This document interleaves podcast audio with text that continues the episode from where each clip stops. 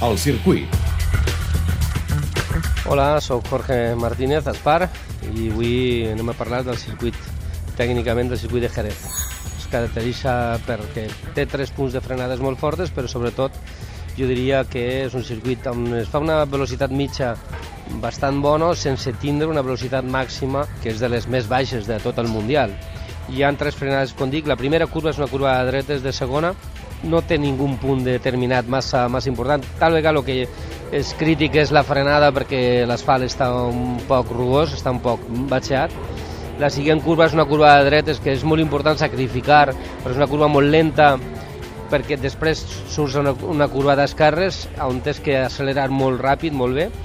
La següent curva és una curva ràpida de, de quarta, on tens que fer sobretot el pas per curva i donar gas pronte. Després la curva, si t'ho és una curva de dretes, és complicada perquè és una mica empujada, no veus la sortida i entres a la recta principal.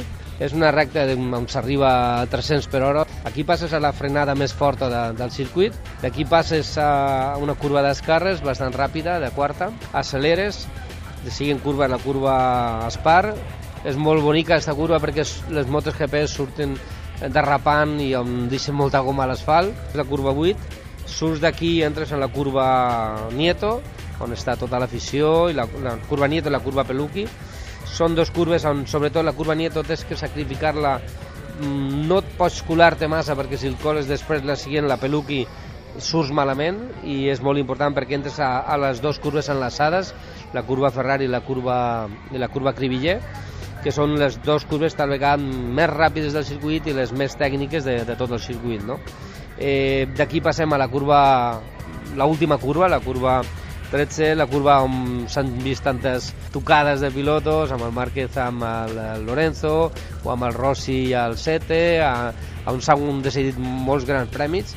És una curva on evidentment tens que frenar lo més tard possible, quedar-te a l'interior, i és preferible, inclús, sobretot en una última volta, sacrificar la curva, quedar-te a l'interior i si l'altre vol que el passe per fora, no?